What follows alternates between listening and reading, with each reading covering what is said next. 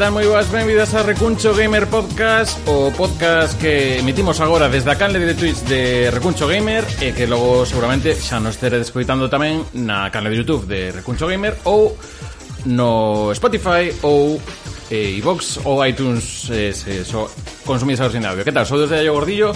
Eh, hoxe imos co segundo programa, segunda tempada, entón non imos falar de segundas partes porque se sería entrar nun vicio nun bucle que sería unha cousa moi tola, pero sí que imos ir cun pequeno bucle tamén da xente que nos acompaña hoxe, que hoxe imos falar de mundos abertos. Así que eh, abrolle xa aquí a ventana a Lara para que pase. Moi boas, Lara.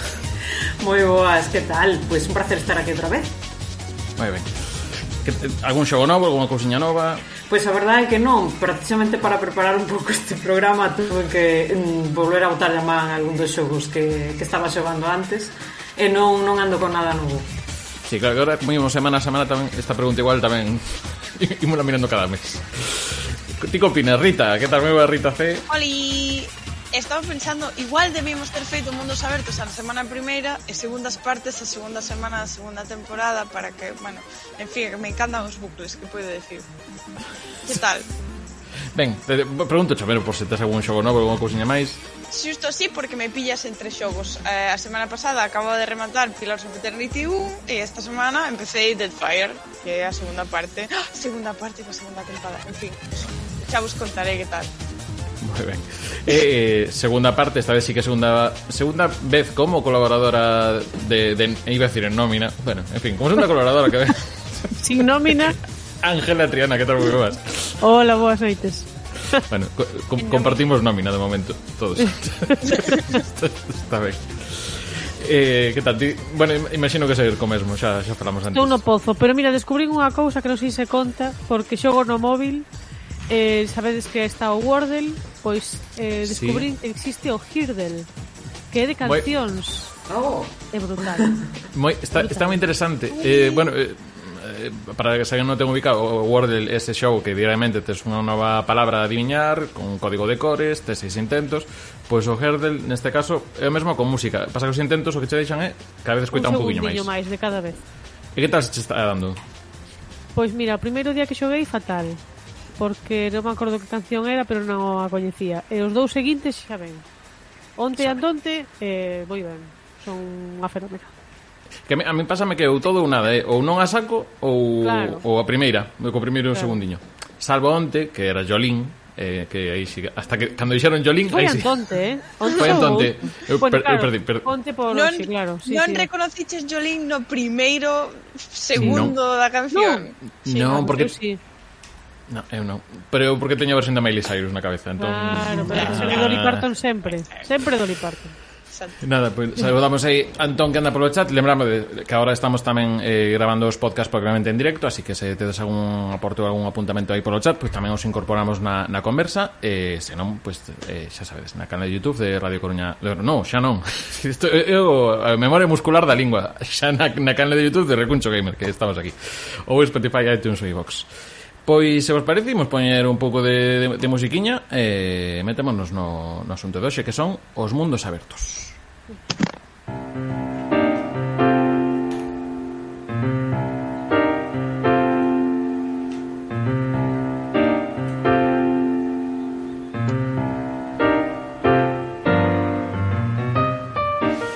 Esta música sí que mencionou xa o que pertence, pero era por, por inventarse un poquinho música como medio investigación. O tema dos mundos abertos, claro, eh, que, que un mundo aberto eh, sería unha cousa igual complicada de definir porque ao final tamén vai marcado moito polo tema da tecnoloxía que había no momento como van tirando a xogabilidade ou que buscan os xogos nos xogos ou que nos ofrecen tamén as, as compañías pero por intentar acotar un pouco algunhas das características dos mundos abertos, pois falaremos de espazos xeralmente abertos e que se piden unha menor linealidade a hora de a hora de, de asumir o xogo. Non tes un argumento que ir polo punto 1 despois o 2 ou despois o 3 ou 4 senón que podes escoller un pouco si, sí, serían os libros de escoller a tua aventura sería un libro serían os, os, os mundos abertos primixenios Que logo, eh, a día de hoxe, pois eses, eses mundos abertos teñen uns límites que poden ser eh, océanos que non sabe onde, onde remata, montañas infranqueables ou eh, muros invisibles, porque ás veces queda outra e rematas aí patente como un invisible. Uh, e, e, o peor é que a veces poñen como unha especie un, unha porta, unha especie de oco na parede, e ti, oh, que haberá por aí, plonk, oh, plonk sí, na cabeza. Eh, poderás abrir ou non?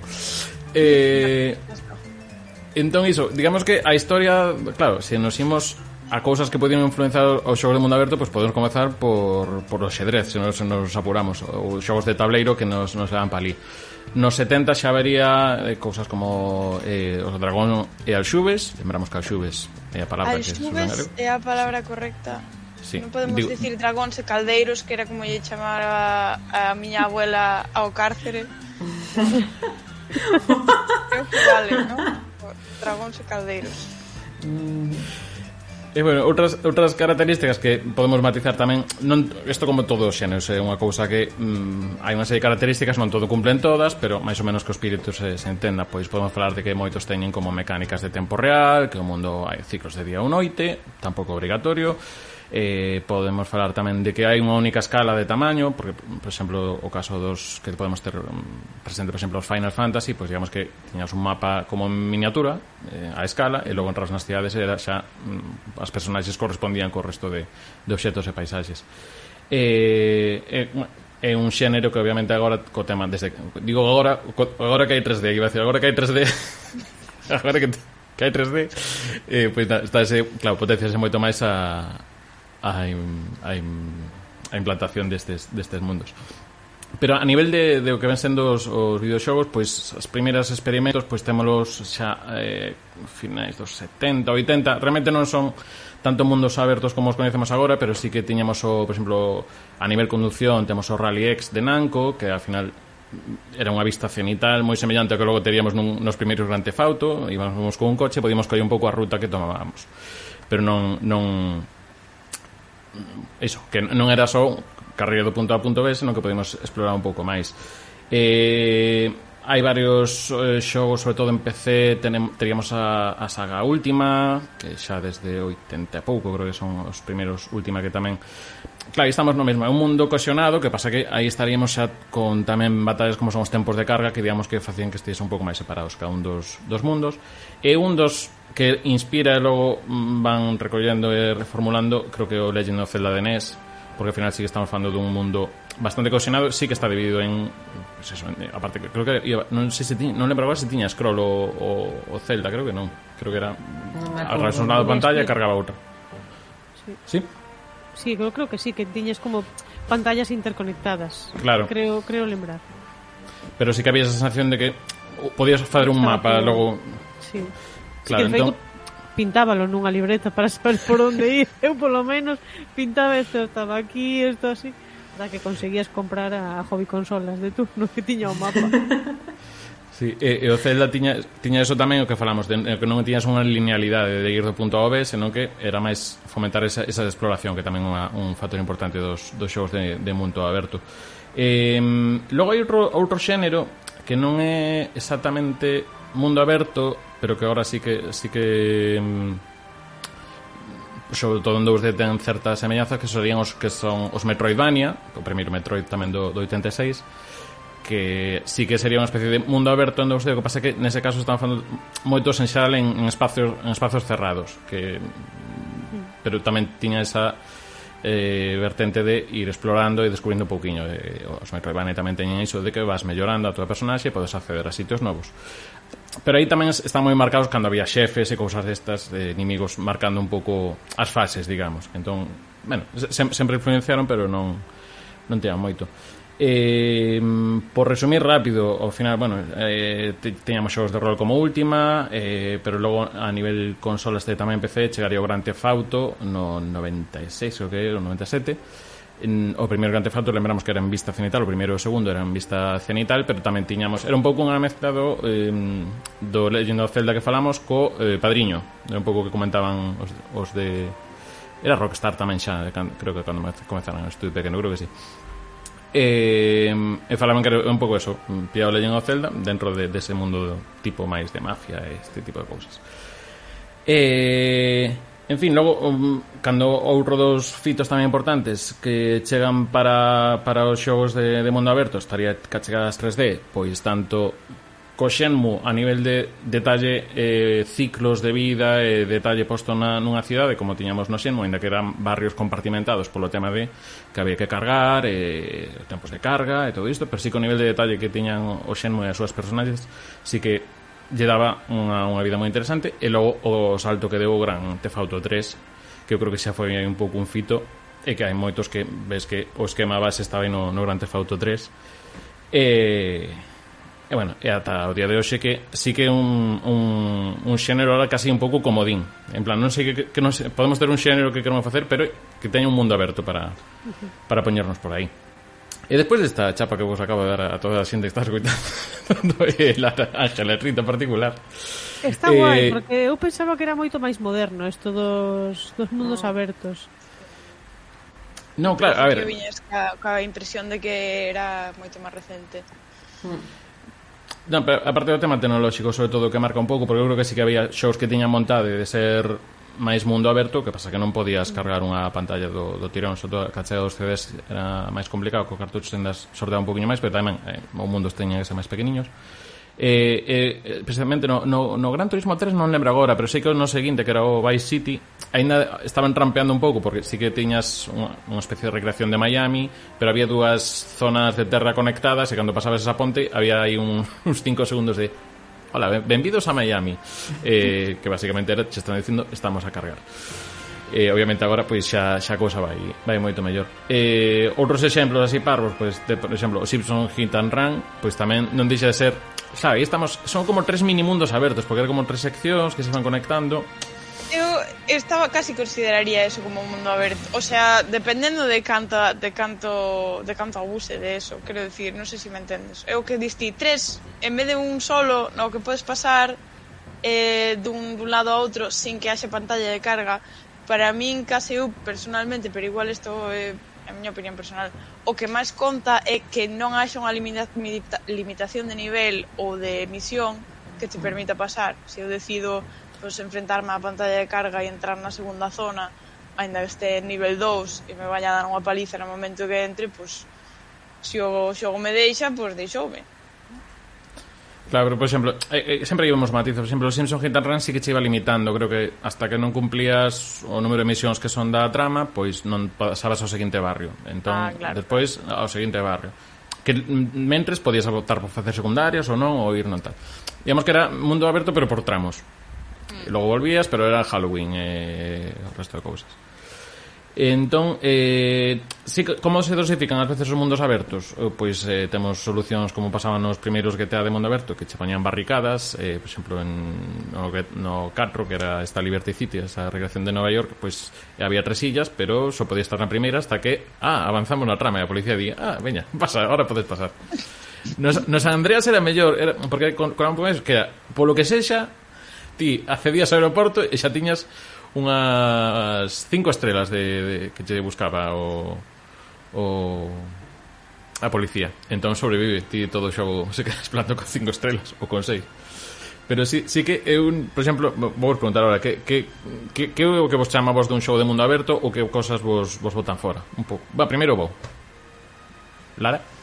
Eh, para min que me dixen eh, ser curioso dixen moitas veces encántame explorar mundos. Eh, para min que me deixen trastear e ir para onde queiras en que me deixen ver o mundo que está deseñado sen ningún tipo de limitación. Da, incluso en da que haxa pantallas de carga porque non dos xogos que vou falar eu é o caso eh, entre certas zonas do mapa cando me dan completa liberdade hombre, Eh, tendo en conta as limitacións obvias eh, entón, me dá liberdade para moverme explorar e perderme polo mundo e facer un pouco as cosas como eu orde é dicir, facendo todos os quests secundarios antes de facer o quest principal pois para min eu xa o considero un xogo de mundo aberto e a min gustame moitísimo a verdade que les vexo moi poucas pegas pero Tirrita. Está moi vieso. Eh, Bueno, estaba pensando, eh, creo que a mí, como definilo, estaba pensando como definilo. Creo que a mí o que máis me gusta dos xogos de mundo aberto, a, a, a parte de a parte de que moitas veces Bueno, claro, eu, igual estos son os que estou acostumbrada Que me parecen moi bonitos, ¿no? Estar ali e decir Ah, que belleza todo, non? El amanecer, as, as, os outeiros, os paxariños, a, todo precioso. Eh, a mí gustame que me conten cousas estar no mundo eh, estar explorando, pero non só explorar por explorar, sino que que as cousas que me encontre que señan significativas, que me encontre mm, sí. que boten olor de maneira inteligente, que encontres pues animales ou personaxes interesantes, que que vexas cousas que te chamen a atención, que que, con, que o mundo en sí conta a historia que, que o Lord quere contar. Non sei se me explico ben ou se foi cacoso total. Sí, que non se deixa un pegote, un reche o mundo.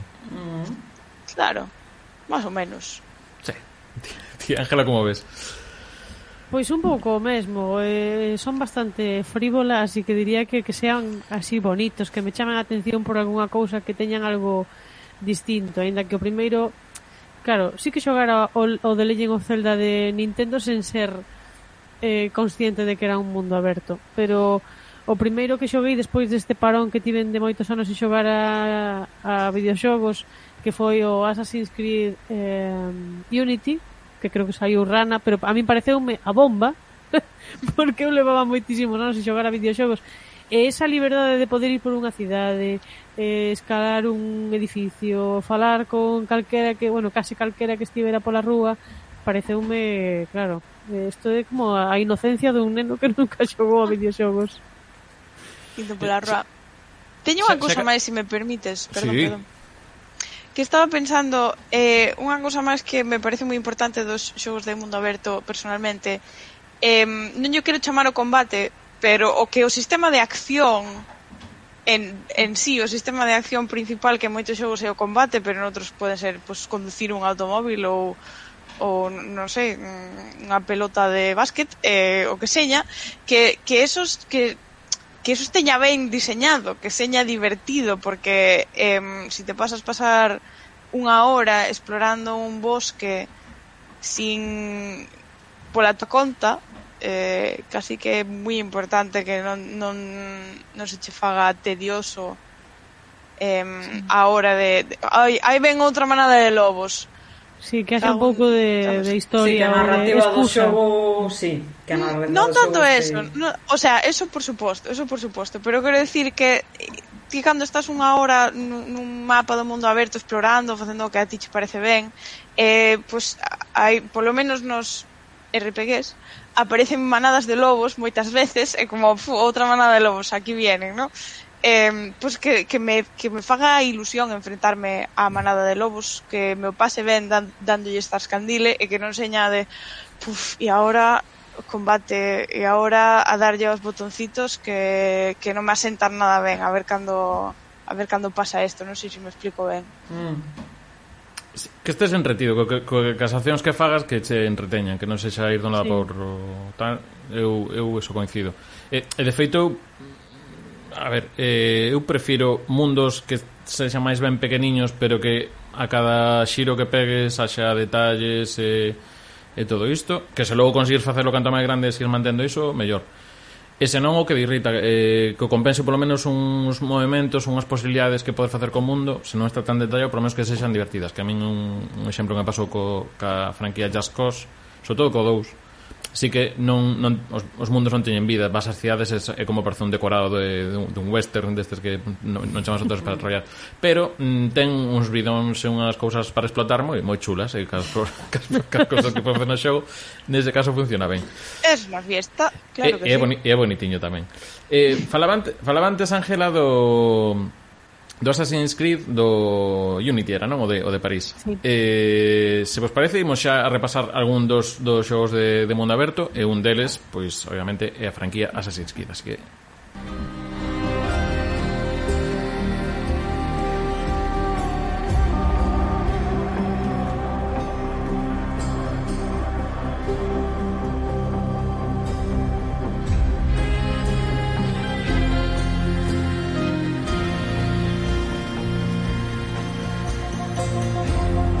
escoitando música do, do último DLC que saiu para o Assassin's Creed eh, Valhalla que chama Ragnarok xa para que sempre máis a confusión co God of War se pode ser.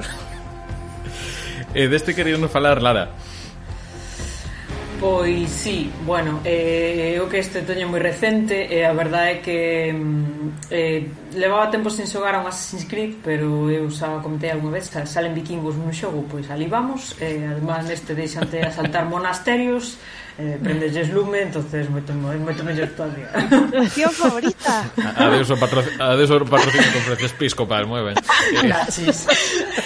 eh, Eh, bueno, a verdad, eh, bueno, este xogo supoño que todos aquí conocemos a franquía, pero bueno, eh, os Assassin's Creed caracterizanse por ser xogos de mundo aberto, cuns recentemente cuns mapas enormes, eh, que son completamente libres desde o comezo do xogo. Este simplemente ten un pequeno salto porque cando comezas estás en Noruega, eh, simplemente podes recorrer un pequeno fiordo, vamos chamarlle pequeno, comparado co resto do mapa, e despois a marchas para Inglaterra para empezar a tua, o teu asentamento e empezar a tua propia saga eh, peque, con unha lixeira eh, historia dos asesinos e dos, e dos templarios polo medio, Eh, eh, pero xa tes toda Inglaterra no momento que chegas todas as regións de Inglaterra que podes, eh, as que podes acceder eh, están accesibles desde o momento cero. A única diferencia que a única limitación que che poñen pois pues, é a típica limitación de nivel de que certas regións pois pues, necesitas é mellor que vayas con un nivel un pouco máis alto porque senón vanche turrar a base de ben. Pero ah, bueno, pero se, si que, se queres que ir, te... vas. Se queres ir, vas. Non, non hai ningún tipo de limitación. Eh, a verdade, eu sorprendeme, encontrei un mundo mm, le, so levaba moito tempo sen xogar Assassin's Creed eh, pero claro, eh, había soado Witcher que tamén é outro mapa monstruo eh, de libre recorrido e a verdade é que este eh, ambientación parece moi maravillosa eh, as urbes están casuas restos romanos eh, xa moito máis actuais época medieval pois son unha maravilla para recorrer, para, para visitar. Eh, eu, eu os Assassin's Creed paso pues, moito tempo facendo turismo histórico, creo que somos moitos os que facemos eso. Eh, e eh, parecime excepcional eh, o enorme que era o mapa e eh, eh, todo o tempo que tiñas para, para recorrerlo eso, non hai limitacións de ningún tipo despois podes volver a Noruega se queres a recorrer completamente o fiordo eh, E para min é eso, é maravilloso poder recorrer un mapa sen, sen ningún tipo de limitación. En este caso é un mapa flores? tan bonito... Eh? Perdón? Nada, nada, iba a preguntarte polas flores e os paxariños, son bonitos, cantaban ben. Sí, totalmente, son bonitos, Canta. podes ir pescar tamén, facer de todo, aparte de, por suposto, saltar monasterios, non malo Lara iba que iba Ela le dixo Buh, Assassin's Creed na Edad Media en Inglaterra Yo ya sé lo que vengo aquí a hacer Por suposto é primeiro que, Además, a primeira misión que tes É prenderlle lume a un poblado Poella Maravilloso. Entonces, bueno, pasei non moi ben, pero pareceume eh, un mundo enorme. De feito, teño por aquí chuleta, eh, o mapa son de Inglaterra son 120 km cuadrados, Eh, o de Noruega son 15 km cuadrados. Eh, despois tes, podes visitar Asgard e eh, Jotunheim. Eh, son un con 2 km cuadrados cada un o sea que tes aí mapas e mapas para libres para recorrer, para estar entretido Sí, aparte, é unha franquena que vemos eso que comentamos o tema da evolución técnica tamén, porque, mm, a ver, eu da franquexa vos pois, dixen, só lle din a, ao 2 e ao, e ao Origins, pero o 2 sí que tiñamos os barrios compartimentados, non era unha Italia ah. cohesionada, senón que tiñas Florencia por un lado, Venecia por outro lado, e outra serie de, de pequenos puntos eh, separados, non, non estaban conectados. En cambio, aquí xa, desde, eu creo que xa desde o... Bueno, no Unity, no, no de Londres, eu creo que tamén xa era un único mapa, Sí. Eh, está guai. Con, bueno, con cal, no, vos... no Unity había como outra zona maiores que era Versalles que podías ir ou en algunha parte como para recuperar algún obxecto ou algo así, non, non me lembro moi ben, pero era como un pouco accesorio. Eh, eh, e, e cal é o vosso favorito a nivel de mundo, de ambientación? O sea, ambientación en sí, non tanto polas mecánicas, senón o mapa. Dos Assassin's Creed? Dos. Sí. Bueno, eu só podo dicir un que é o único que se ve. Pero aí non pode romancear ao jefe. ¿eh? Xa, pero, pero fíjate que as flores e os paxariños son moi bonitos, sabes como te digo? É eh, unha cousa que dixo Lara antes, que é unha cousa que eu imagino, a ver, que sí que xoguei un pouco o 2, eh, pero non me deu tempo a ver toda a dimensión. Eu, pero eu estou segura de que xo, se xogara o Origins ou o Unity tamén o vería que que, mm, o sea, dixo Lara, están aí os restos romanos e tal que pareceme que, o, que os Assassin's Creed en general fan un moi bo traballo de darlle profundidade mm. ao mapa en plan, estamos ensinando a historia pero non che ensinamos como se si isto fora o fondo da historia sabemos que hai capas de historia non sei se me sí. explico moi ben como sí, pues, sí, sí, sí, que fan, fan moi ben estaban os romanos e eso enche o mundo unha barbaridade solo mm. darche impresión de que hai capas E ti, Ángela, quedas con algún?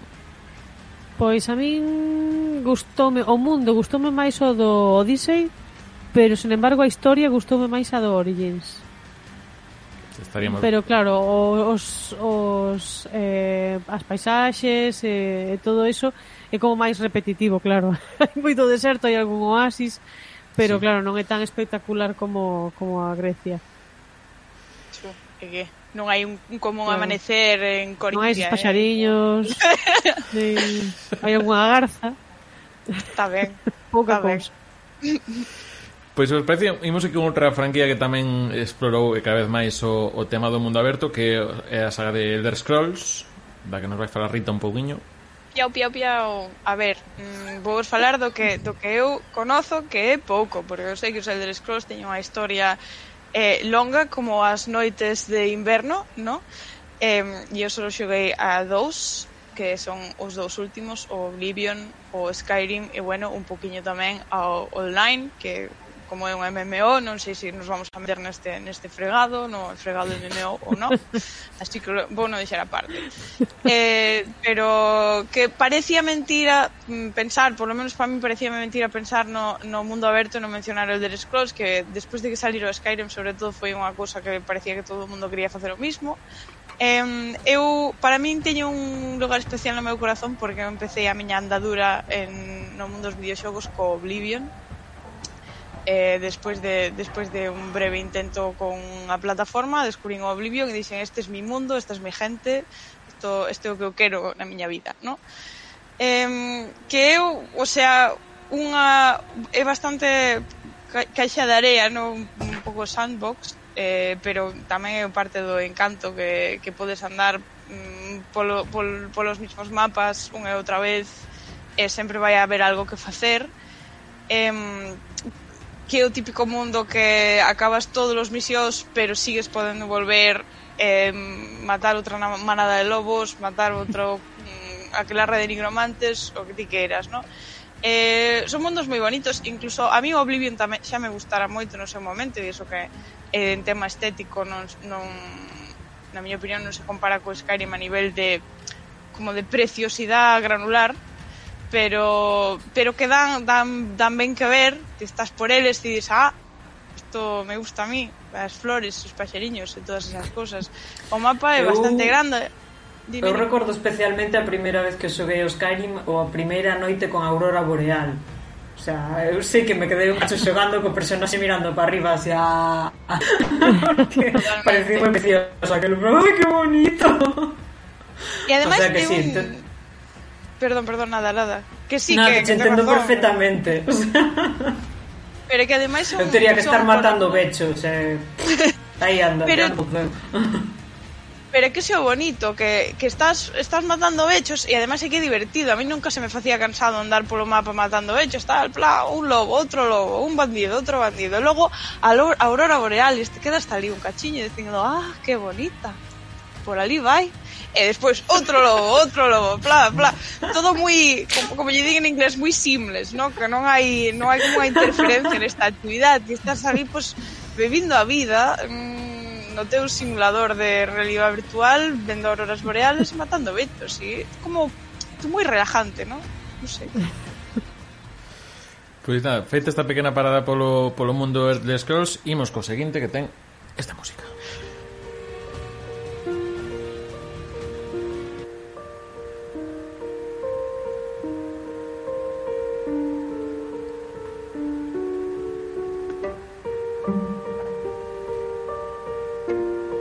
xogo do que xa falamos no terceiro capítulo, creo que foi, que é o The Long Dark.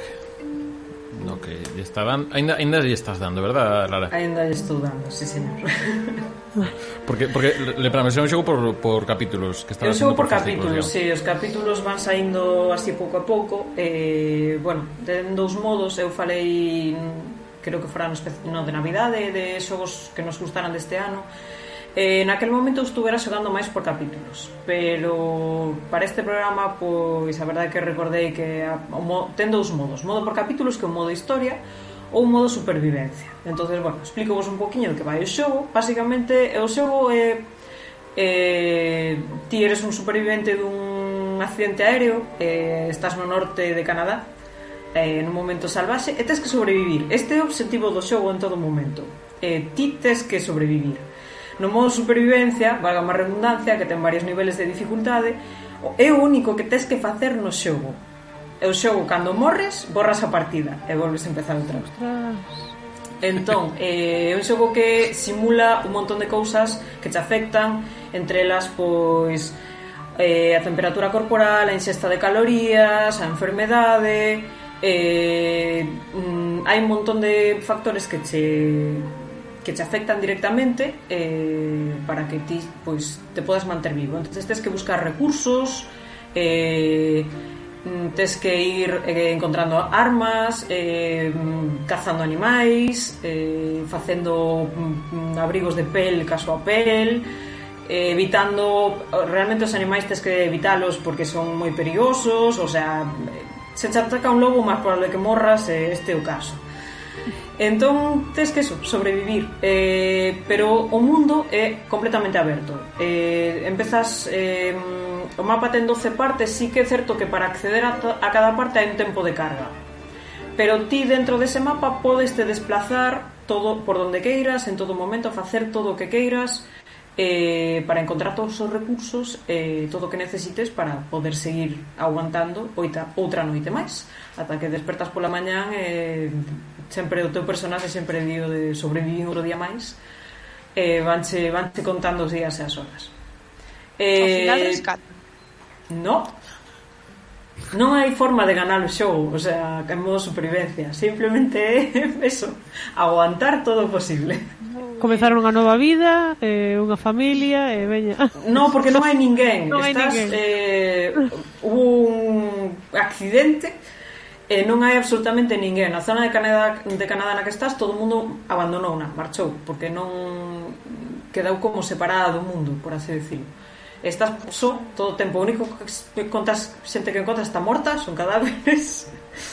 E, e despois os animais que te vas encontrando, os que podas cazar, además eh, parece moi bonito en outros xogos, pero cazar é extremadamente difícil, só teres uns rifles chunguísimos, eh, se quedas sin munición a la base, acabas mm, tes que montar trampas para os conexos, ir pescar ao lago, pero sempre que amenaza de que non morras de frío, non morras de fame, non morras de sede, non eh, tes, podes mm, lastimar un nocelo, en fin, o xogo ten eh, un montón de, de cousas que che lóxicamente fan máis difícil a túa supervivencia. E ao final pasas moitísimo tempo xogando por eso, por, Porque a, ca, cada mínima cousa levarche un montón de tempo. Eh, digamos, visualmente donde está ambientado, eh, como di que yo solo sé que había nieve. Eh, Exacto. porque, porque básicamente, eu estou buscando aquí máis bar e digo, estou, ah, para que vexa un pouco a variedade, neve, pero sí, vas, neve, neve. Sí, neve. A variedade. Además, aí hai, eh, hai unha valla aí, eh? sí. na casa, bueno. Ah, sí, con casetos, sí, pero neve en riba da casa. Pero neve. e eh, además hai ventiscas, cando hai ventiscas non podes sair porque te conxelas moi rápido. E además non ves nada, eh? o sea, desorientaste con moitísima facilidade. Eh, eh é así, sempre neve, neve, neve. Teño unha pregunta, eh, está válese quitarse a vida ao mismo, o sea, de decir ya, eh, xa tuve no bastante, vou me tirar sí, ao eh, río e sacar Sí, tal podes, hai zonas de xeo que xeo rompe, e caes a agua, conxelas te morres. Non hai. Perfecto. Morrer é extremadamente fácil. extremadamente sencillo. Pois imos ver co, co outro xogo que esta vez nos trae Ángela, se chama The Outer Worlds.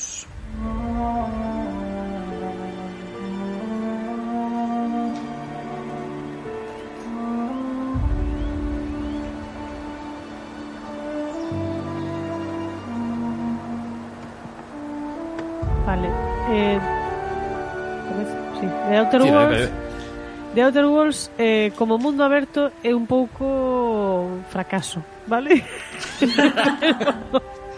pero eu trouxeno porque me gusta moitísimo eh, o universo que crea e eh, o uso do sentido do humor vale? o meu, o meu eu guionista eh, ama a, eh, todo o concepto deste xogo. Aínda que como mundo aberto pois xa vos digo que é un pouco trampa porque non podes acceder a todas as zonas dende o principio. Ti, eh, non sei se os xogastes, e se coñecedes no, un pouco no, de que vai. No. Bueno, ti es, eh, ti creas unha personaxe ao principio de todo, e es eh, unha eh, das persoas que viaxaban eh, crioxenizadas nunha nave eh, con intención de crear unha nova eh, humanidade eh, porque o mundo está todo trastabillado Isto, o xogo é basicamente unha, unha crítica ao capitalismo. Vale? Eh, houve unha serie de xente eh, un pouco máis intelectual e un pouco pois, cunhas ansias que enviaron esta nave con intelectuais a outro sitio. Pero neste camiño é un científico tolo nos saca a nos da, desta nave e intenta que, que nos eh, rompamos este sistema ultracapitalista eh, daquela. A mí esta historia molame moitísimo. E eh, toda esta descripción deste mundo capitalista está como tan exagerada que é moi graciosa. Poño vos un exemplo. Por exemplo, neste mundo eh, o suicidio é delito porque atenta contra a propiedade privada das empresas que son os traballadores Hola. E destes detalliños ten milleiros en cada carta que atopas, en cada ordenador no que entras para hackear eh, sempre atopas detalliños destes que son moi graciosos. Que pasa? Que despois sí que tes eh, como varias áreas que sí que son abertas dentro delas, pero que tes que ir un pouco eh, atopando o camiño para ir abrindo as todas, porque tes ir que ir eh, abrindo un poquinho a historia ata eh, conseguir ou non eh, romper o sistema. Eu tiña... Eh, eh, eh, nada, sí, nada. Dai, da, da, Rita solo por curiosidad, que si te, si te suicidas, ¿cómo te castigan? O sea, que te levan, te levan parado al, al, al xuve. Quedas cunha débeda que a túa familia ten que pagar. Claro, oh, claro, non me sorprende. Por atentar pero... contra a propiedade da, da empresa. Mima. Madre mía. Sí, sí, e eh, danche medicamentos os xustos para que podas seguir traballando, pero, bueno, eh, ben, non che dan demais tampouco, sabes? Tampouco fai falta que esteas moi ben. Así regular, bien. Sí. Claro que sí. E como é o sistema de... Perdón, perdona, Iago. É un RPG. Ah, Tes eh, unhas habilidades das que podes decidir que tipo de xogo queres facer, pois eu, por exemplo, xoguei a eh, longa distancia e mentira, que pareceume a habilidade máis necesaria para sobrevivir nese mundo. Porque a, a túa capacidade de inventar historias é que é que chascarean e así ah, poder eh, enganar porque tes como distintas faccións e ti tes unha reputación con cada unha desas faccións. De acordo, nos apuntaba aí nos apuntaba aí Antón eso que, que, que a insurrección de traballadores do comezo que está que está guai. Sí. Eh, para un condena a morte por suicidarte, do, doble condena. Moi ben. Traballo eh, fácil. En que plataforma temos este Xbox, creo que, non? Está no Game Pass, que onde uh -huh. xoguei eu eh, eu creo que están todas. E está anunciada unha segunda parte que eu agardo que mellore un pouquiño ese sistema de mundo aberto regulín. Porque a historia está moi guai. Pois saltamos desta, non imos cambiar de sintonía agora, imos manter a de Outer Worlds, pero imos falar tamén de outro que lle deu Rita un pouquiño, que é o Kingdoms of Anmalur, ou Anmalur. Anmalur, Anmalur con An... M. Un, un pouquiño é un... Eh, un poquinho é unha mentira, no? Ti, ti tamén puxeches level up en mentira como, como Ángela, eh, un poquinho, no? Un, moitiño. Eh, o Kingdoms of Amalur, en realidad, o sea, é un ten un, é un mundo aberto con un truqui que xusto, o sea, son dúas áreas que é verdad que son dúas áreas enormes que están completamente abertas, pero a segunda solo podes acceder despois de certa parte do, do, da misión principal pero unha vez que accedes está está todo o mapa aberto e a primeira, a primeira área que é moi grande, dito sea de paso unha área moi grande, moito máis grande que a segunda, podes acceder en calquer momento desde o principio, ¿no? Entonces, por eso eu considero o mundo aberto ten ese esa segunda área, pero como é máis pequena que a outra e a outra está totalmente libre desde o principio, pois pues, pues, para mí é un mundo aberto, ademais porque unha da, das felicidades máis máis bonitas do, do Kingdoms of Amalur é andar polo monte e matar bechos, o sea, o combate deste xogo é divertidísimo. É, eu para min personalmente é dos, dos sistemas de combate que máis me gustan de casi todos os xogos que xoguei eh, nunca, que non son moitos, non? Pero xa é algo, digo eu. Eh, podes poñer podes poñer puntos, o sea, un RPG, pero podes poñer puntos nas habilidades que a ti che parezan máis uh, eh, máis mellor e, eh, e eh, vas por ali vas por aí polo mundo dando dando leches a, a placer. É bastante bonito. É, a verdade é que é un mundo así como de fantasía é, moi puro desto de con como de fadas, ¿no? Hai setas enormes, eh, eh, lucecillas, eh, mortos vivientes que pues, atravesan por aí cando lles parece ben a eles, ¿no? Todo, todo así moi moi fantástico, moi luces de colores. Eh, hoy no calificaron a vez como un eh, MMO baleiro, sin embargo, para min non eh, esto non lle resta mérito a este xogo en particular, ¿no? porque eh, a pesar de que de que é verdad que igual non ten o, lo, digamos a historia máis eh, intelixente ou interesante eh, sempre sempre eh, sempre atopas cousas no, no mundo porque como que é moi disfrutón no ti estás ali eh, pues, a mí non me importa que, que esta misión non seña interesante eh, porque eu estou aquí pasando pipa eh, indo de, de cova en cova mm, matando demonios no? eh, entonces a mí me gustou moitísimo. Saleu en 2012, o, o a historia triste foi que o, o a desarrolladora foi o único xogo que sacou, despois quedou en bancarrota. Eh, despois adquiriu os dereitos EA, me parece. Sí, que vendo, vendo as imaxes do xogo chama, chama a atención mesmo que, que estaba preguntando agora Antón polo, polo chat que se hai xente, a mí, claro, lembrame o, o World of Warcraft non sei se hai xente traballando aí deles Sigues eran Rindoito Studios, eh, Kaiko GmbH, Big Huge Games e Kaiko. Eh, e logo, en deseñadores, chama a atención está Todd McFarlane, que se non lembro mal, eh, o que facía Spawn, creo que era, non? Non sei se claro, sí. estilo, me sonrado. Sí. sí, sí, o que facía Spawn, e, bueno, además é un gran conocido guionista eh, no mundo dos cómics. Eh, tamén está Salvatore. Salvatore, señor... verdad O señor, o papá de Drizzo Urden e historias. El padre de todos da espada e... Efectivamente, te, é moito, é moi así o, o xogo. Sí, o pero a verdade, de... eu tamén o xoguei e a min pareciume xeneal. o sea, a historia é longa, tan se pasou moitas horas, o mundo é super vistoso, mm Eh, é, é moi bonito, moi entretido. Eu tamén sou de show, e a verdade é que pasou así sin pena ni gloria, pero a mí encantan tamén. Tuve que xogar moitas horas para cansarme de dar leches no King of Amalur mm. -hmm. de ver as lucecitas. Eh, era é moi disfrutón sí. ese sentido. Sí, sí.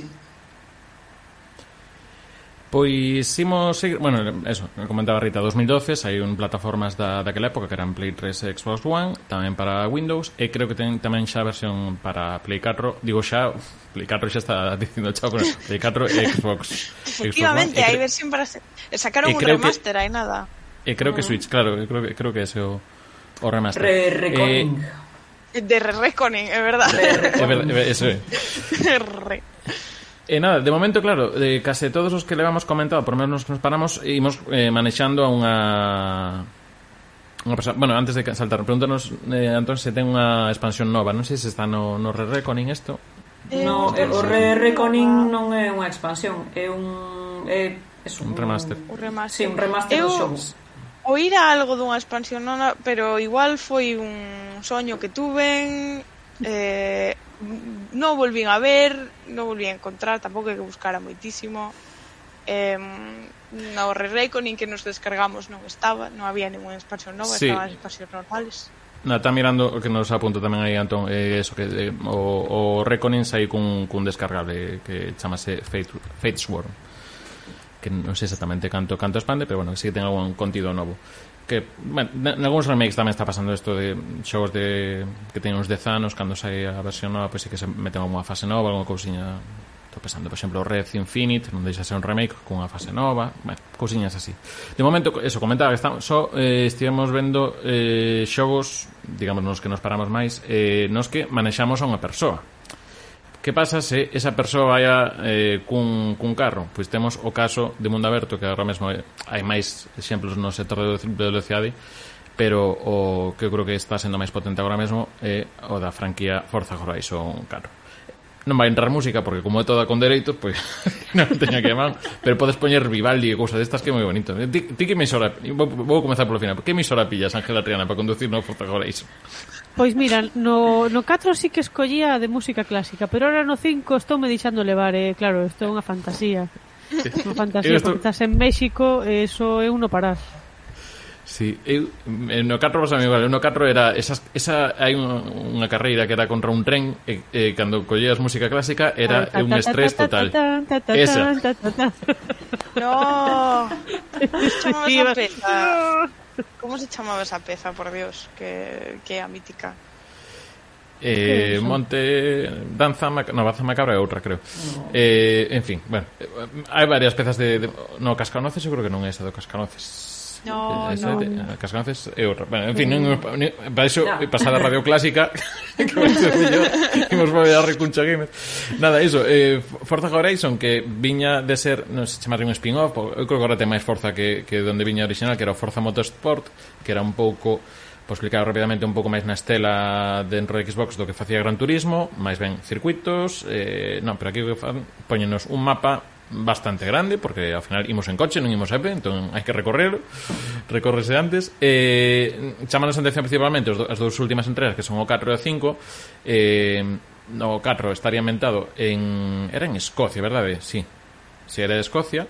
Sí, e este último este último 5 que estades vendo agora en, en directo no Twitch ou no, no YouTube, estades vendo aquí Escocia en inverno, porque claro, eh, falábamos antes dos ciclos de día e de noite, o Forza Horizon non só ten o ciclo de día e noite, senón que ten eh, cada semana, creo que era por semanas, por menos agora no Forza Horizon 5, cada semana cambiaba tamén estación. estacións do ano. Que iso pode levarnos non só a unha cuestión estética, senón tamén, pois iso, na neve os coches non agarran o mesmo, ou tes un lago que está conxelado. Entón, claro, camen tamén un pouco os trazados. Ou tes un lago que está en sequía, se estou pensando no de, no de México. Eh, Que te chama a ti de, deste xogo, Ángela? Pois, pois pareceme moi divertido. Eh, mira, creo que non son de, de xogos de carreiras, nin de velocidade, nin tal, pero este xogo dá, dá gusto porque ta, é tan bonito. eh, é moi divertido e tes sempre cousas novas que facer, é eh, o que dicíamos antes. Isto non, non o das acabado porque en canto faz eh, agora xa hai unha carreira de eh, campo a través e rematas esa e xa che propón outra. E despois ten un sistema de dificultade que está moi ben porque eu ao principio sempre poño dificultade normal, pero despois el xa che propón, non? Levas gañando moito tempo, súbelle un súbelle un nivel ou levas eh, perdendo eh, varias partidas. Queres lle baixar un puntiño, xa che propón el axustar un pouquiño a dificultade, pareceme que eso está moi guai, para que non te frustres ou para que non sexa aburrido. Se gaña sempre tampouco é eh non? Non sei, sí, aí, eu... a mí gusta Eu, eu, teño, eu, eu teño un problema Ahora estou pensando porque eh, Está pensando que só tiña co Assassin's Creed Cando me deixaba libre de movimentos Pero tamén este Ás veces está tan libre Que me, me estresa ter tantas posibilidades Explícome. O tema, o tema dos eventos semanais Claro E que cada semana sanche como sete misións que tens que facer Con si outra no serie de mini retos Que se van desbloqueando a partir de un día en un día en un día en un día. Entón, ao final, hai que ir ca filosofía, mira, todo non o vou facer, entón vou facer o que me chama atención, o que, o que me interesa. Entón, eu, o, no que estou queimando Neste ainda, ainda varía un pouco máis Porque tamén si que o mapa interesante un pouco máis salvaxe Ten moita máis altura que, que no 4 Neste temos un volcán A parte, mm. eh, bueno, eh, claro, a similitude de cando saiu o xogo Estábamos co tema do, do, do de Canarias eh, Entón, bueno, en fin eh, eh, Pero eso, tes, tes moitas alturas Eh E, entón sí que podes facer un pouco máis o, o cafre que no 4 que xa, xa tiña o seu. eh, pero remato xogando case só o modo o modo de eliminador que basicamente ven sendo unha recreación dun Battle Royale, ou seja, un Fortnite. Mas, pois basicamente, nunca xogo eu Claro, que, que é un modo, un, é un dos modos online. E, aparte, igual, que hai tantos modos que mm, eu creo que é imposible que che gusten todos, pero malo será que en algún non enganches. Sí, que, tes as, as misións de, de puntos por derrape que isto é unha chulada. Sí. Tes, claro, tes un, un cacho de carretera que tes que facer eh, tes que ir derrapando todo o que poidas. Danche puntos e mola porque dache puntos por todo. Dache puntos por chocar contra un árbore, por tirar unha valla abaixo, dalle igual. Eh, por, punto. por aterrar, por aterrar e chocar cun cactus eh, rápido. Quen diseñou este xogo? Non non serían non serían os chavales da miña xuventud, non? Eh, en que ano naceron estas persoas? Ola, choca todo con, con outro derrape. Por que queres saberlo, outro Saúde? coche e ponche intercambio de pintura, 500 puntos. sí que é gracioso ver como tamén é unha especie de mundo eh, compartido, si te pode estar na mes, no mesmo mundo aberto que outras persoas que están xogando. Non bates con eles, eh, a priori, eh, pero sí que cando ves algún que está facendo a prova esta de rapes porque tipo pasa por ali, eh, ti estás a todo o rollo, non faz. Pero cando ves algún dis, este, este xa bebeu, non podo conducir. Pois pues aí, de unha pa outra. Eh, nada, e si, sí, a banda sonora eh, volvemos co tema de, de que xa era un selo que tomou forza co, co Gran Turismo co, co Gran Turismo, perdón, co Gran Tefauto que é o tema da, da radio e a música pois neste caso tamén moi cuidadas as, as, narrati as os narradores que tamén aluden a cousas que vas facendo no, no, no propio mapa, pois acabas de rematar da carreira, ai, pois que fenómeno ese piloto, non sei que tal, tal, tal. Eh, é verdade que eu neste estaba un pouco máis desamparado que a música clásica porque as poucas que me gustaban eran repetidas tamén porque incluían bastantes eh, autores eh, mexicanos o cal está, está guai pero ahora si, si cae unhas das, das outras das outras emisoras que son hai, hai temazos por aí eh, non sei se probaches la Urrita está no Game Pass non, eu non sou Nada. no... Nada. Sinto moito, non temos, non temos uh, bueno, eu polo menos nunca tuve inclinación polos xogos de conducción sí que me estou perdendo algo maravilloso, sobre todo se si me dis que hai ese tipo de, mu de música nas emisoras. Hai cumbia, sí, no, no. sobre todo. Cumbia, hai bom bomba estéreo, sí. creo que está de bomba fuego aí. Sí, eso xa. Que maravilla. É un xogo típico para eh, botar unha partida curta. Tes aí 20 minutos, va, pues veña, vou botar aí unha carreira eh, desestreso un pouco.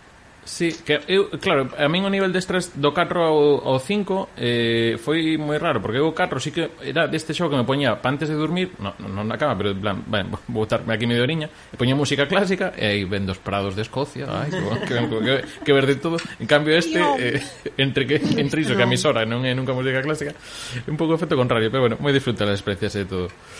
Eh, Mira, unha pregunta que isto estivemos mirando aquí, que nos deixa aquí Farún, antes de, de ir polo último show que temos para hoxe, eh, que decía, acabo de catarme que o mundo aberto máis grande, non espacial, debe ser o Flight Simulator, o Microsoft Flight Simulator. Pois, eh, a non ser que consideremos mundo, non sei se algún que había ambientado en Xúpiter propiamente, so, que era xo Xúpiter ou so era algún outro planeta en sí, que creo igual era, era un chisco máis grande, pero bueno, sí, a nivel de representación da Terra, pois sí, Microsoft Flight Simulator. Eh, mm, que hai un matiz, claro, antes falábamos dos, dos falaba Rito, dos sandboxes ou das caixas de area, claro, moi, ás veces son términos que se asocian tanto o mundo aberto como aos sandboxes, pero non teñen por que ser exactamente o mesmo. Sandboxes alude máis ás posibilidades que ten a tua personaxe ou ti como, como manexante dese mundo, e, e logo o mundo aberto é máis posibilidades como, como está deseñado ese mundo a hora de, de propoñerte as, as misións. Por exemplo, eh, pasando Minecraft é un sandbox a nivel de posibilidades do, que queiras. O sandbox, e lo... todo, el madre de todos os sandbox. Efectivamente.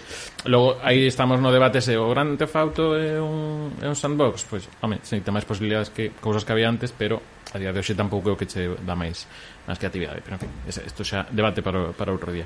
E imos co último, porque porque temos aquí notado eh, que ven sendo o, un dos últimos que está chamando a atención, que si sí, imos a lo, el del Ring. Ai, Dios, no. No. Momento, ah, perdón, espérate. Flashes, teño que... flashes da guerra, váyeme. Pero, pero espera, no, no, claro, que estou facendo unha cousa mal. Non sei se estou facendo spoilers para Ángel, vou buscar outra, outra parte no, do mapa. Non pasa nada, cuidalle porque no. como non me entero... Da, vale, no. Básicamente, Elden Ring, claro, que eu para min... Eu, é que, é que, bueno, vou poñer un momentiño É que a min dame o este, nunca me deu tanto Stendhal eh, Síndrome tender a roupa eh, cando, con este, como con este xogo O sea, eu nunca, eu nunca saquei tantas, nunca saquei tantas capturas Debo, debo estar agora 150 tranquilamente De pararme e mirar as, as paisaxes do fondo. Que basicamente Isto é unha cousa que, que mm, Xa facía tamén moito Zelda of the Wild O pasa que non puiden probarlo moito en Asia Pero, eh, bueno, estamos falando do último xogo de, de Miyazaki De From Software eh, Famosos por ter unha, un xogos que imos chamarse de troleo Eh, eh, nada, basicamente soltante aí nun mundo eh, ti vai conectando as liñas un pouco co que, co que poidas facer eh, a mí o que me chama a atención é eh, eso que mm, noutros xogos este é un mundo bastante grande pero é que hai detalle a cada, a cada paso que das. Eh, para min é o que mm, un, un dos detalles que a mí me fai que un mundo aberto se xabó é iso, a sensación de que está un mundo vivo e eh, eh, tal como decía Javi Casariego, que a ver se tamén volven pronto para o podcast, eh, realmente tamén están falando dun... Eh, como se chama? Eh, Emboscada Simulator, realmente, que era o xénero. sí, sí, esa é a sensación que tes constantemente. Sí, porque, constantemente porque... dis, eh, vou entrar aí, pero sei que me vou arrepentir. No, ou ves, ves aí un tesouro a cinco pasos e dis, eh, bueno, pues, vou, vou pillalo, pois pues, non? Pois efectivamente. Eh, efectivamente, sí. pois pues, aí, aí foi. La Non terás sí. un vídeo de algún vídeo dunha emboscada, non? Mm, te, teño, te, te, teño un vídeo, logo vamos buscalo, bueno, intento buscalo. Teño un vídeo de, de, das mellores caídas. Porque, se xa, unha, unha, unha vez que non, non me mataron que me xa, xa fun uso. Pero bueno, eso miraremoslo logo para para o pos, pos esto. Pero sí que para min ten unha cousa moi chula que como xoga cas escalas. Eh, porque estás vendo non sei que edificios ao fondo de todo como chegas e a paisaxe que falamos pero logo a nivel de detalle cando entras eh, eso, nunha xuve, nunha caverna nunha mina ou nas propias torres ou incluso a propia xeografía da montaña encontrar ese trazado pequeniño e todo iso eh, claro é, é, é como como integra como minifases dun xogo tradicional dentro dun, dun mundo aberto e todo super cohesionado Entón, eh, nada, eso, que, que fantasía. Vou ver se está aquí un momento bonito da morte. Espera un segundo. Creo que sí. Por favor. Creo que sí. Sí, veña, ímolo poñer agora. Sí. sí. Ti, Ángela, non mires moito o sitio onde estamos. Nada, eh, describimos para o podcast. Básicamente, est estamos subindo unha rama co cabalo, saltamos unha torre e ao baixar do cabalo, digamos que baixamos... Ah. baixamos da vida. Oh, has muerto. You die. Sí. Eh, en fin, pero bueno, eh, sí, obviamente obviamente é un xogo bastante pouco amigable de primeiras porque digamos que che en xa matándote como que di. Como todos si no, no, como quen di non na máis, na máis empezar hola. Xa morres a primeira vez. Na máis empezar sais por unha porta adiós. Volve Pero eu, eu creo que esta ten a vantaxe que polo menos podes ir dar ir correr, escapar que o cabalo eu creo que dá esa versatilidade que a mí, o cabalo sí que me lembra moito Shadow of Colossus en, en concepto e tamén o mundo tamén pois pues, ten un pouco ese esa vastedade pasa que é un mundo moito máis máis cheo que o, que o propio que o propio Shadow of Colossus claro Estou vendo o vez a miña morte eh, nada.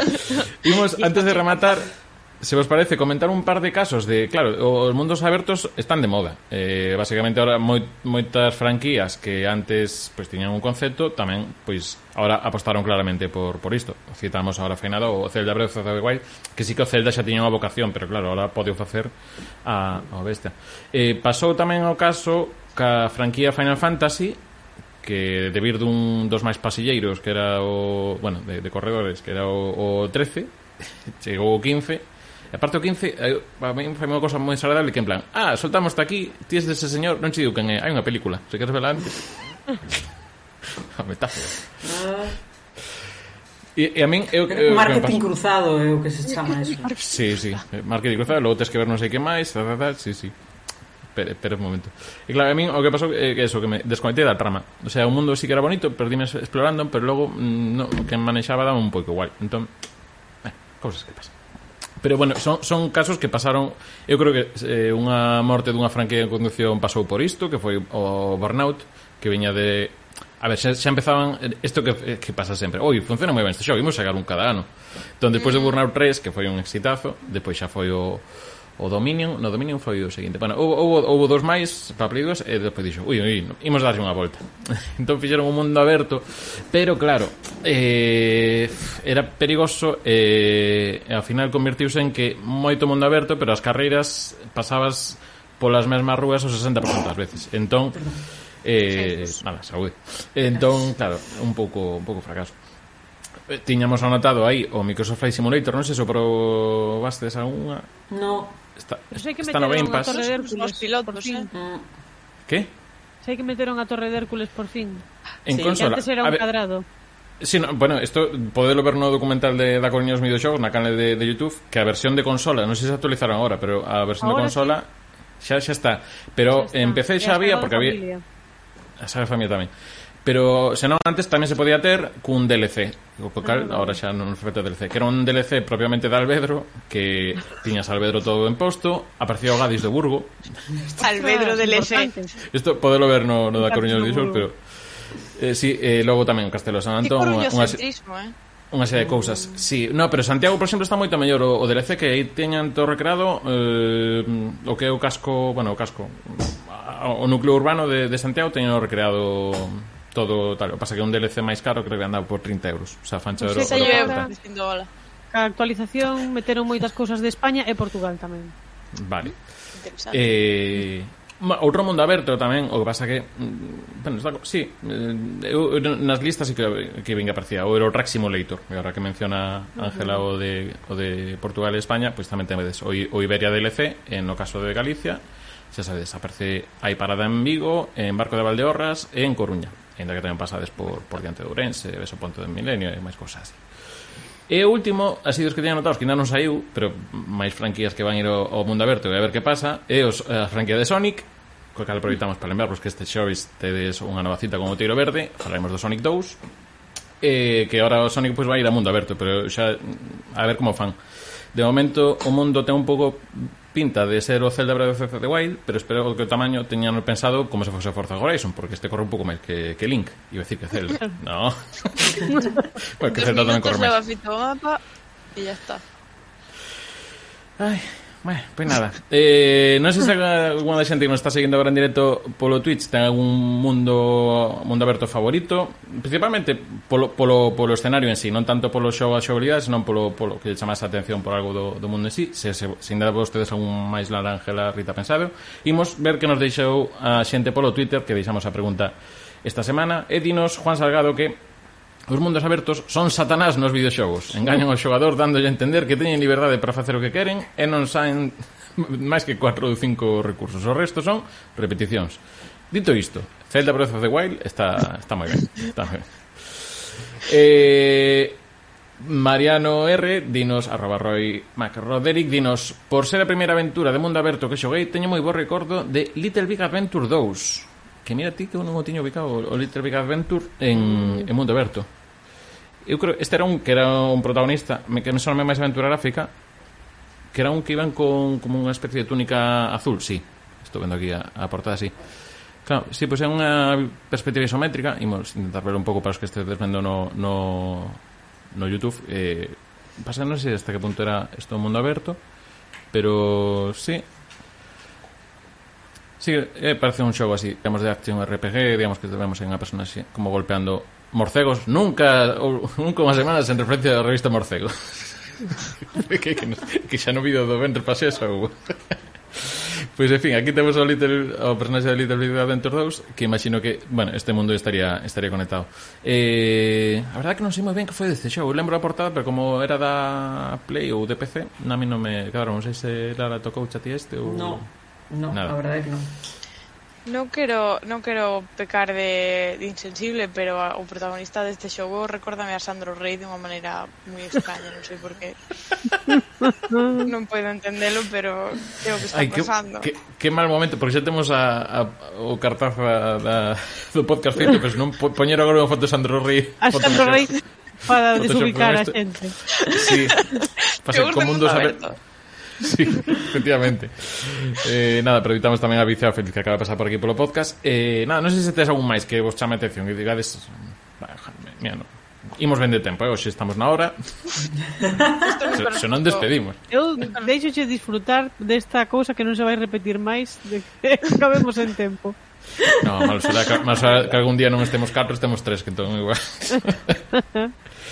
Bueno, pues nada, eh, ata aquí un pouco repaso de mundos abertos eh, tamén un pouco así o que nos foron, os que nos dixeron máis que nos apelaron nos, a nosa pataca eh, e outras, outros órganos. Eh, Fíjate, unha cosa sí que se me ocurreu Sí. sempre me queda, sempre me queda algo que decir, eu teño que disculpar, Iago. Pero que non, non quedes con el, porque senón é malo. Quero vos deixar que a imaxe do, do Horizon, como xa falamos moito del, non volvimos a falar del, de cando te subes ao cuello largo, ao robot cuello largo ese, e ves todos os paxariños e todos os amaneceres e se chenche o mapa e tamén se chenche o corazón e creo que iso como o momento favorito do mundo aberto para min 10 de 10 continúa Discul mis disculpas. Chulo, xogastes o segundo, e eh, ti, Iago, si, sí, non? Eu, mm, o tutorial é que mm, ou Elden mm. ou Horizon, non no. me dá. Non, non, non quero mezclar, pero se non, se, se, non, se, se non acabo matando colli largos no Elden Ring, non, non, non me claro.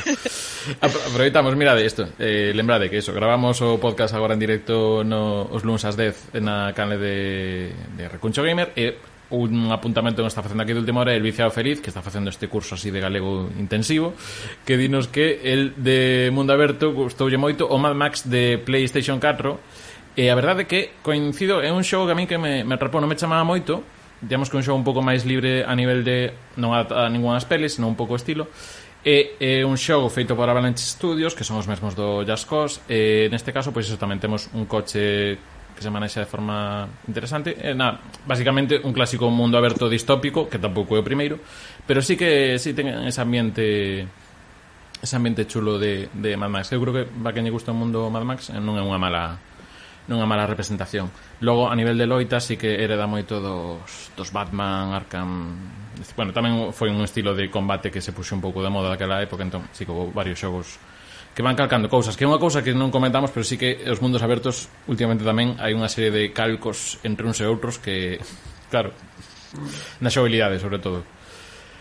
Pero en fin, é como a vida, como este programa, este, este programa non se vai repetir. Eu, eu, Este, este non. De, deixate que na, logo na temporada 3 haberá outro programa de Mundos Abertos en plan, no, seguro que non se dan conta. No, no para pa, pa temporada 3 Mundos Pechados, xa imos, imos especial Mundos Pechados. Veña. Parece Xogo, xogos co espazo máis pequeno. Empezamos polo Pac-Man. Eh, a partir de aí... Increíble. Me encanta. 2048. Nada, Siguiente. Pues pois nada, non me queda máis que darte as gracias a Lara, Rita e Ángela Triana por pasarse un, un lunes máis por aquí polo, pola grabación do, do podcast de Concha Gamer Podcast. Espero que todo ben por lo menos nesta hora. Todo, todo, todo correcto, todo maravilloso. Todo maravilloso. Eh, un nada, placer. eh, os demais eh, xa sabedes eh, se está escoitando agora en Spotify, Evox ou iTunes, pois xa sabedes, os martes tedes o, o novo, novo programa e se non, pasadevos os luns en directo aquí e faces como Vicio Feliz, Farun ou Antón que pasaron por aquí e deixaron tamén unhas unhas aportacións ben, inter, ben interesantes. Eh, no, polo demais, arroba Gamer en TikTok, en Twitter, en Instagram Facebook pasades, se queredes haberá unha bola de palla por aí e en youtube.com barra reconchogamer que tamén hai pois teredes este propio podcast e máis contido como por exemplo a última análise que vimos de facer dos oito circuitos novos do Mario Kart 8. E lembrade que, por exemplo, este martes eh, tamén xogaremos no Twitch cos novos circuitos. Así que se tedes o Mario Kart, tedes online, non tedes os circuitos novos, non pasa nada. It's a me! E teño os circuitos, entón pasades por aí e xa, e xa está. Hasta, hasta luego. Pues bueno, xa, xa digamos así. Hasta luego, así que poñemos sintonía de despedida. Era hasta Eh, Luigi, no- era hasta Luigi. perdón. Ata Luigi, efectivamente. Cuidado con Luigi que non aterra ben. Imos voltando. Adeus.